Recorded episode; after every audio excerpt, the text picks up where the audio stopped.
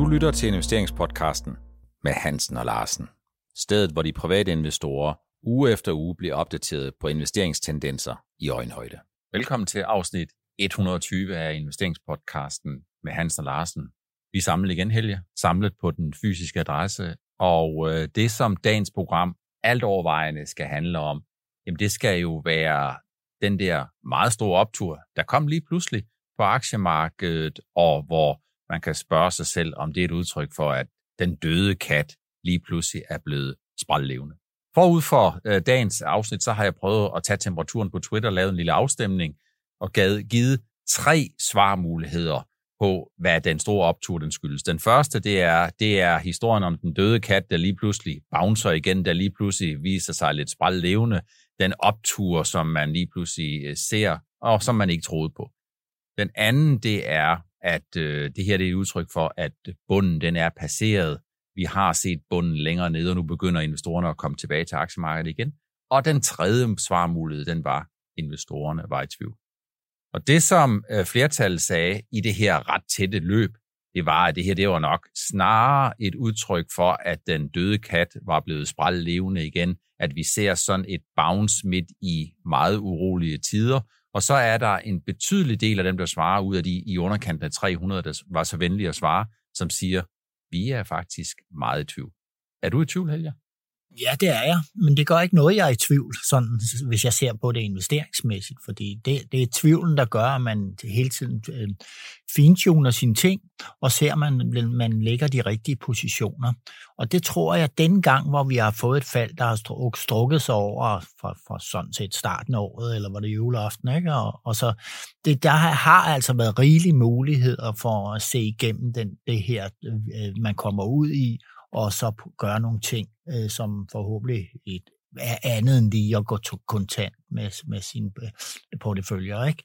Så jeg vil sige, at der, vi, vi, som jeg ser det, så har vi noget, der er gennemsigtigt. Altså, det er meget gennemsynligt. Vi kan sagtens se, hvad det er, der sker. Jamen, når renterne stiger, jamen, så er det godt ud over nogle bestemte aktier, og der er volatilitet. Sådan, det er vilkårene. Det tror jeg, det er resten af året i hvert fald, og især så længe vi har den der joker i både i øh, Ukraine, men også hvad sker der med corona altså, øh, senere på året, og så hvor hurtigt kommer de her stigninger i renterne, og får man, øh, får man øh, øh bugt med inflationen, eller i hvert fald, at den kommer, bliver bragt i sådan nogenlunde acceptabelt niveau.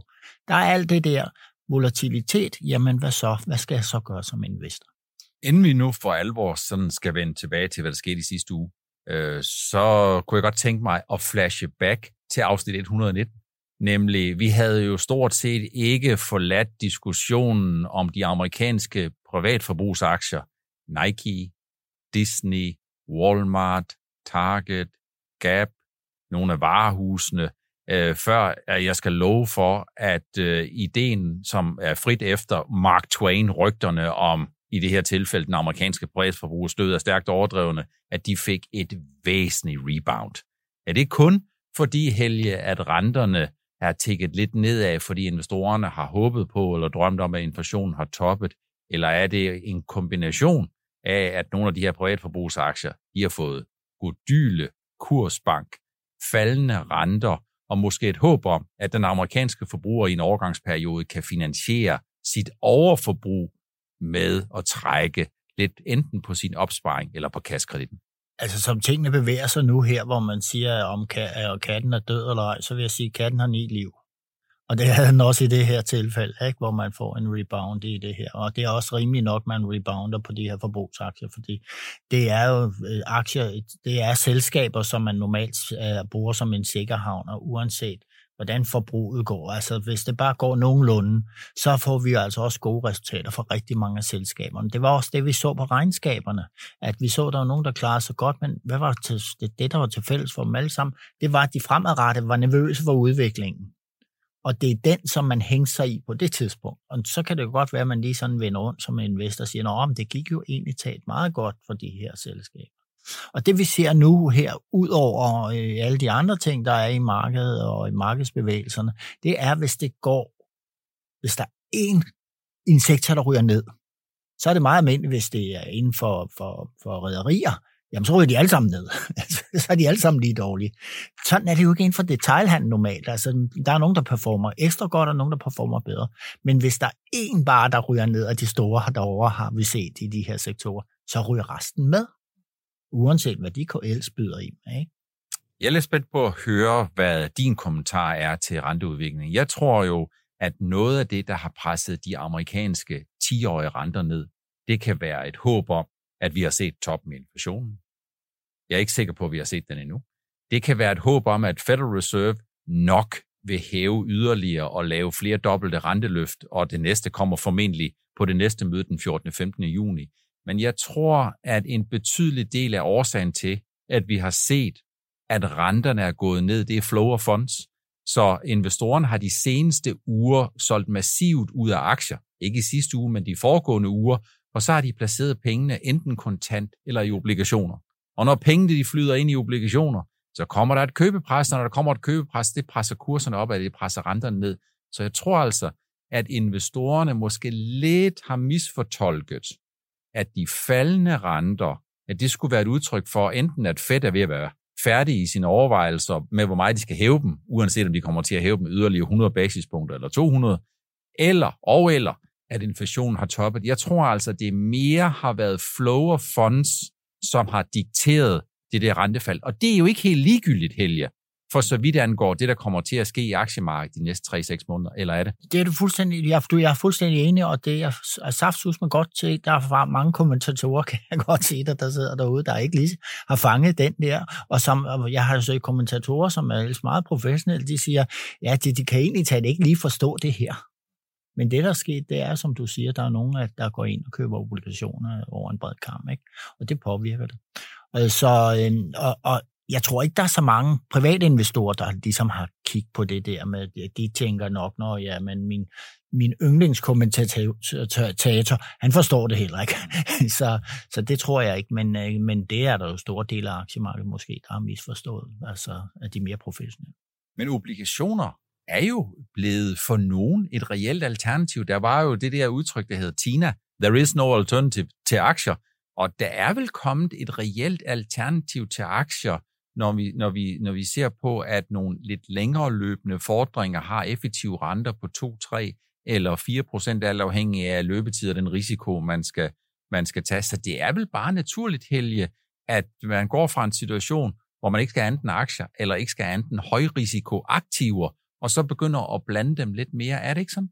Jo, det er sådan, og det, jeg tror faktisk, jeg har sagt til dig mange gange i de sidste to år her, at jeg vil ønske, at vi kommer tilbage til den tid, hvor man, man, man har lidt obligationer, eller lidt flere obligationer, men, så, så det her hele er ligesom normalt. På et tidspunkt har, har vi jo også oplevet her, at øh, jamen, øh, obligationerne falder, og, og hvad nu det hedder, øh, aktierne falder, og guldet falder. Og, altså, vi oplever nogle lidt usædvanlige ting, og jeg kan godt forstå, at der er mange investorer, der sidder derude, altså lidt rundt forvirret. Det er vel helt naturligt, at man er nervøs, og man er forvirret, og det er jo fordi, det er første gang siden finanskrisen, at vi ser at renterne stiger, og aktierne falder. Og inflationen i det omfang her. Yes, og vi ser også, at nogle af de her risikofyldte aktivtyper, ud over aktier, bitcoins og andre ting, ikke viser sig helt så inflationssikrede, som nogen havde haft opfattelsen af.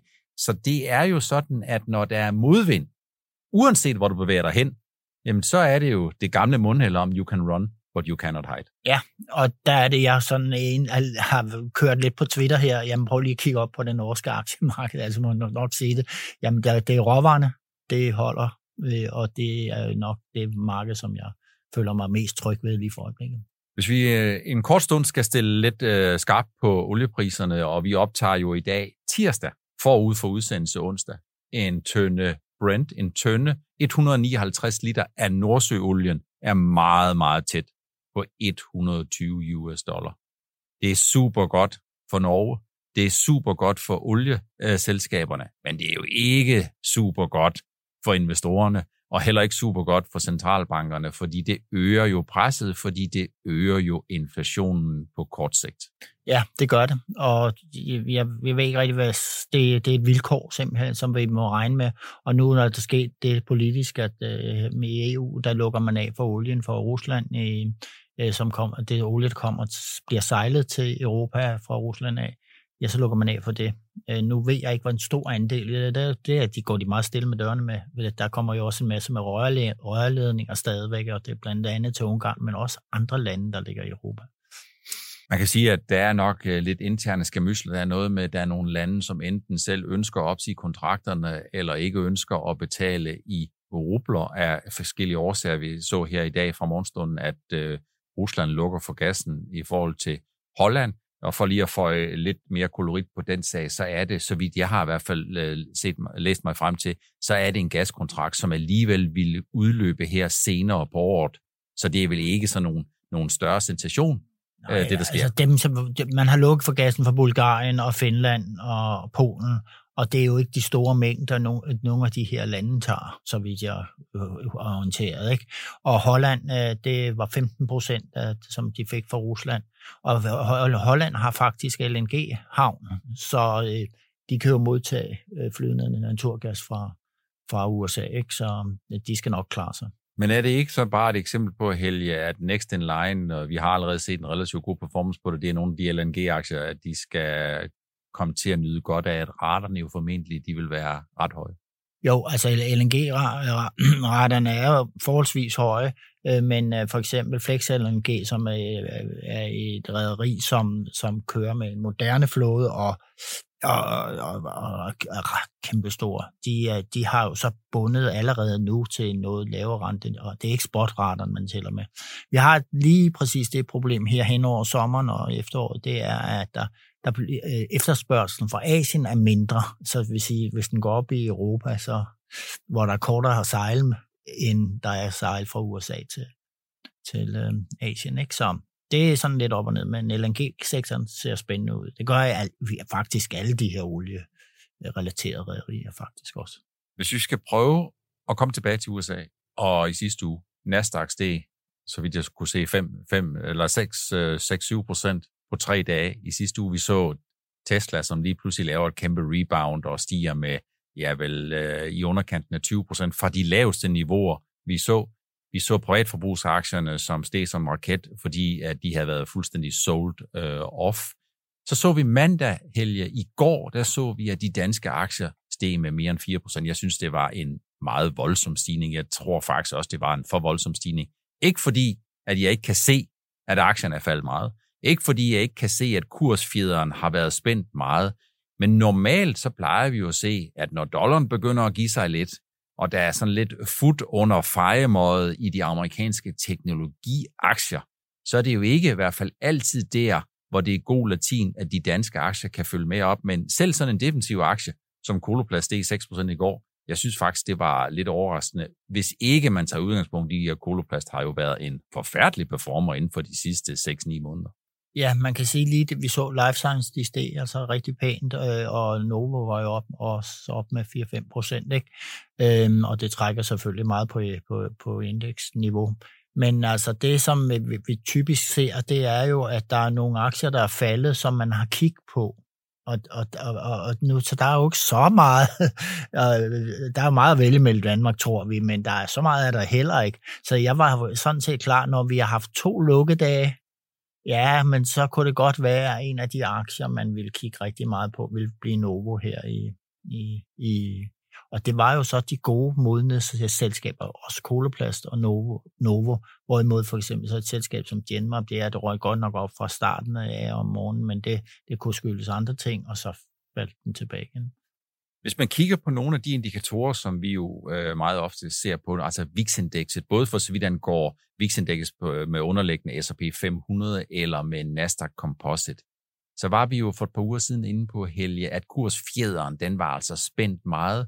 Når det er sådan, vi ser VIX-niveauer på 35 til 40 for S&P 500, så er det et meget højt niveau. Det er det, der hedder stærk storm øh, op på vej til orkan, og når vi kigger på Nasdaq Composite, jamen så var vi sådan lige i yderkanten af en orkan. Og når vi ser det, så er det jo ikke sådan, at vi lige pludselig går fra total vindstille til orkan. Så, så er det jo fordi, at vi lige pludselig går fra den, vi kommer fra den her spike, hvor vi går fra, at det blæser rigtig, rigtig meget, til det kulminerer. Det var vel det, der skete for et par uger siden. Og selvom der så kommer øh, fortsat lidt mistrøstige data, så skal der jo blive ved med at komme meget dårlige data, før at investorerne bliver yderligere forvirrede og yderligere nervøse. Og samtidig så giver de der stemningsbaserede indikatorer, de giver bare nogle købs- og nogle salgssignaler, øh, som man øh, som investor i hvert fald, og om man ikke, man ikke skal bruge dem, så skal man i hvert fald ikke ignorere dem. Man kan sige, at der er en masse risiko, der er taget ud af markedet, øh, hvis man sådan kigger med investorbriller og siger, jamen vi har, markedet er faldet rigtig, rigtig meget. Og det gør jo så også, at det, det, bliver, det bliver lidt sværere panikke, fordi man siger, tænker, nå jamen, så kommer jo alt det med Warren Buffett, man skal købe, mens de andre er nervøse eller panikken, ikke? Og så begynder folk at tænke, altså det er det der med, at man kommer igennem øh, sådan en, en fase, hvor man reflekterer over tingene, og så begynder man at tage det lidt mere med ro. Det gjorde vi jo også under øh, covid, da det startede. Først gik vi jo virkelig i panik, og aktierne faldt meget, og det, der kom nogle hug derned af, og så begynder man at tænke sig lidt om og se, og nyorientere sig, hvor kan man så gå hen? Og det er faktisk det, jeg tror, der sker. Og det var faktisk også det, jeg tænkte, det ville kunne måske ske ved Novo, hvor de var kommet ned i, i, i 730 eller sådan noget lignende til. Nå, de får nok et pænt rebound her på mandag, ikke, når, når vi er åbne igen. Så man kan sige, øh, er der ændret noget i din optik, Helge, med den resterende del af 2022, inden for de sidste to-tre uger, der skal gøre, at aktierne de lige pludselig begynder at hoppe og danse mere, end vi trods alt har været udsat for i et meget nervøst forår? Jamen, jeg tror stadig, markedet vil være nervøst. Jeg tror stadig, det vil være volatilt. Altså, jeg nævnte lidt tidligere her, nogle af de ting, der ligger og venter på forude. Øh, det, det, det, altså noget af det værste, jeg kan forestille mig, det er jo det her øh, Ukraine-scenarie, som, som du også har snakket, der bliver smidt nogle beskidte bomber eller et eller andet andet. Øh, også øh, kan jeg se, hvis der sker i den, den russiske ledelse, måske der kommer nogle høge for herren ind. Og der, er jo, der er jo masser af muligheder for, at vi kan få et ben eller to længere ned. Og der, der er i hvert fald nervøsitet i markedet, fordi der er nogle øh, der er nogle ting, vi ikke har prøvet før her i mange år. Ikke? Så har investorerne, har de glemt, at der er en krig i Ukraine, bare fordi den har varet i mere end tre måneder? Har de vendt sig til det? Jeg håber det jo selvfølgelig ikke. Øh, men har de på den ene side glemt det, øh, men bliver de mindet om det, når de så ser, at en tønde råolie koster 120 dollar? Ja, men ja, altså, det, det, hvis nu man, de der undersøgelser er lavet på, når der kommer en krig, hvordan går det så med aktierne? Ja, først falder aktierne, og så vender de sig lynhurtigt til, at der er en krig. Og i det her tilfælde har, vi jo, har man øh, indstillet sig på, det her går nok ligesom i krig, hvor man fortsætter sådan en, en, en, en krig, øh, da den trækker lang tid ud, og så ligger man og slås om nogle lokalområder. Det er sådan, jeg tror rigtig mange tænker, altså, fordi hvor vi alle sammen snakker om, øh, om krigen øh, hver dag, øh, så, gør vi, så gør vi det ikke længere. Det er, sådan, det er sådan, som jeg ser det, ud over selvfølgelig alt det politiske og hvad der foregår for dem, som er kommet til på aktiemarkedet de sidste år, eller som dem, der står uden for aktiemarkedet og måske lytter og interesseret til, hvad der sker på aktiemarkedet og hvad det er for en pejlemærke, der er det jo for mig rigtig vigtigt at gentage igen og igen. At aktiemarkedet er jo et sted, et fuldstændig fantastisk sted, hvor risikoen den bliver presset fuldstændig helt ud i stortåen. Der, hvor jeg kan huske, hvor jeg som dreng havde fået placeret en femmer fra min mor øh, sammen med håndsæben, når det var sådan, at jeg kom hjem fra lejerskole, så skulle hun ligesom se, om jeg havde både været ude og se femåren og brugt håndsæben, når, når det var sådan, at man lige skulle have øh, vasket sine tæer. Så det, der sker, det er, at mens den rigtige, mens den virkelige økonomi, den slås med at komme på plads, størrelser som arbejdsløshed, beskæftigelse, vækst og mange andre ting, det tager måneder, kvartaler og år at komme på plads. Så på aktiemarkedet, der knipser man simpelthen to gange med fingrene, så får man enten presset noget glæde ind i aktiekurserne, der gør, som det skete i sidste uge, at aktierne på tre dage stiger 5-7 procent, og man ligesom siger, hov, hvad var det, der skete? Ligesom hvis man har været oppe i en boksring og fået et par ordentlige par på hovedet, og man ikke rigtig ved, om man går teknisk nok out, eller hvad man gør.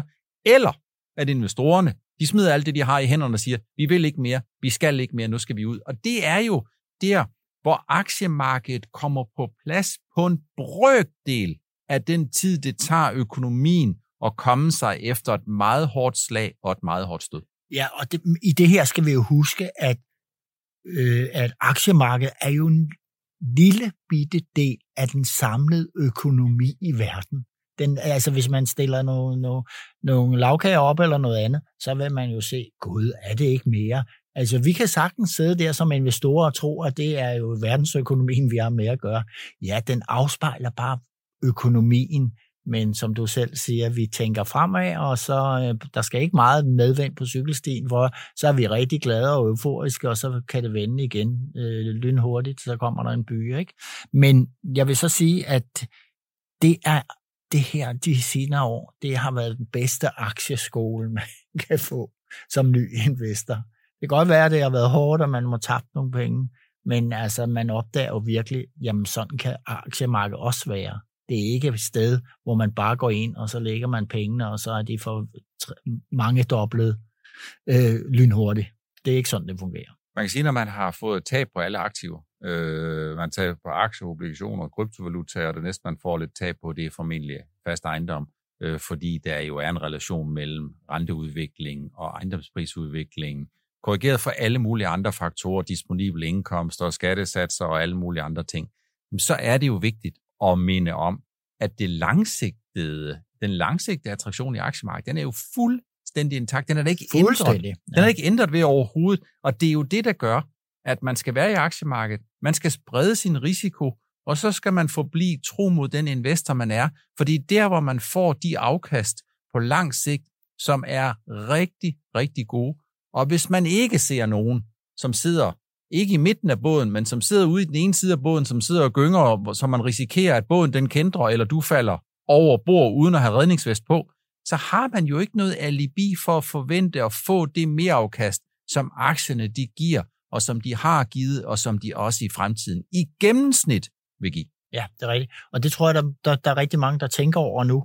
Altså, fordi det her med hurtigt ind og hurtigt ud, og det her, det, at jeg tror, der er rigtig, rigtig mange, der godt kunne tænke sig at være en tålmodig investor og forstå lige, hvad er det egentlig, tal Warren Buffett har, har gjort igennem årene. Og det er jo det der med at gå ind i selskaber, der tjener penge, år ud og år ind, øh, og som for, øh, også forstår at vækste, øh, men også at tjene penge samtidig. Ikke? Det, det er jo sådan, det, det fokus, og det er jo det, man vi ser kommer tilbage. Lige pludselig bliver alle de der vækstselskaber, hvis de ikke ser ud som om, de får noget næste år eller næste år igen, jamen så gider man ikke være der. Så jeg afspejler en sund udvikling, synes jeg, det her.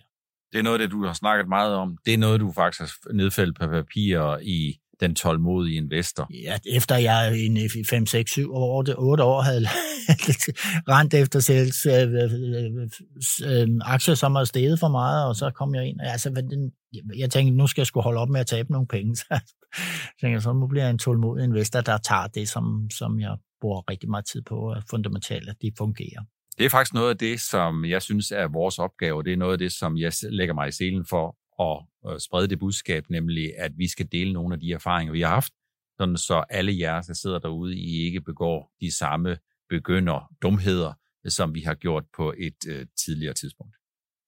Dollaren, Helge, jeg tror faktisk, at vi har set de højeste niveauer for dollaren. Jeg kan godt se, at der er nogen, der sidder og snakker om pariteten, men jeg tror faktisk, vi har set de højeste niveauer ved dollaren på 7,18 i dansk regning. Og det er fordi, Øh, eller det er ikke, fordi jeg ikke kan se, at øh, Federal Reserve stadigvæk vil hæve renterne ret markant, men det er fordi, det er sådan lidt service over til ECB, og nu er det nok næste gang, at øh, det er ECB, der skal gøre noget lidt overraskende. Men hvad betyder det? Hvis vi i givet fald har set de højeste niveauer for dollaren, også selvom dollaren godt kan få et lille rebound op imod eller i nærheden af pariteten overfor euro. Jeg vil sige, hvis den ligger der fra 6,80 og så ligger og, og, og, og flørter lidt med 7, så tror jeg, at de danske selskaber vil være meget, meget glade, alle dem, der har eksport til, til USA. Ikke? Så det tror jeg selvfølgelig. Øh, men hvordan dollaren vil udvikle sig herfra, jamen, det, jeg, jeg er helt sikker på, at øh, vi får hvis du ser euromæssigt, ikke, så får vi der, der, øh, de, de øh, der, øh, europæiske myndigheder, de må på banen. Ikke? Det, det, det ved de også godt. Nu kom der et inflationstal fra Tyskland og Spanien. Ikke? Ah, der skal gøres noget effektivt. Jeg kommer lige øh, ned fra Spanien, og der må jeg sige, at der er priserne de er lidt på vej opad. Øh, det er faktisk sådan, at jeg også vil tage en god idé med til de danske benzinstationer. Det er faktisk sådan, at man får faktisk nogle rabatter Øh, vi fik faktisk en rabat, der svarede til halvanden krone per liter brændstof. Øh, og det kunne man måske, det råd kunne man måske give videre til, at der var nogen, der skulle med til at mellemfinansiere de høje energipriser. Det kunne også være, at staten skulle hjælpe en lille smule. Den debat, den har også været ude. Men priserne i Spanien, de er for opadgående. Det kan jeg i hvert fald øh, klart bekræfte. Ja, vi kunne jo klare det lidt nemmere i Danmark, for vi har nogle ekstremt høje energiafgifter, ikke? Altså, så staten kunne jo øh, regulere lidt på det, i stedet for at give tilskud til nogen pendler eller alt muligt, ikke? Så var det mere retfærdigt, at man, man sænkede energiafgifterne. Og så kan jeg også give det råd videre og se nu at komme i gang med at få investeret i den grønne omstilling. Jeg synes jo personligt, det går alt for langsomt, og jeg synes, at man gør alt for lidt øh, i den situation, vi, vi har i dag. Så det er simpelthen bare med at komme i gang.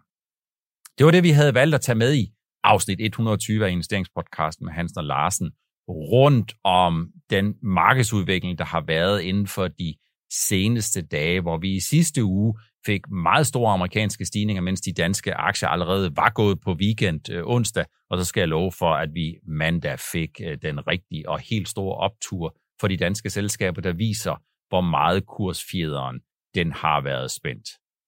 Det var ikke så længe.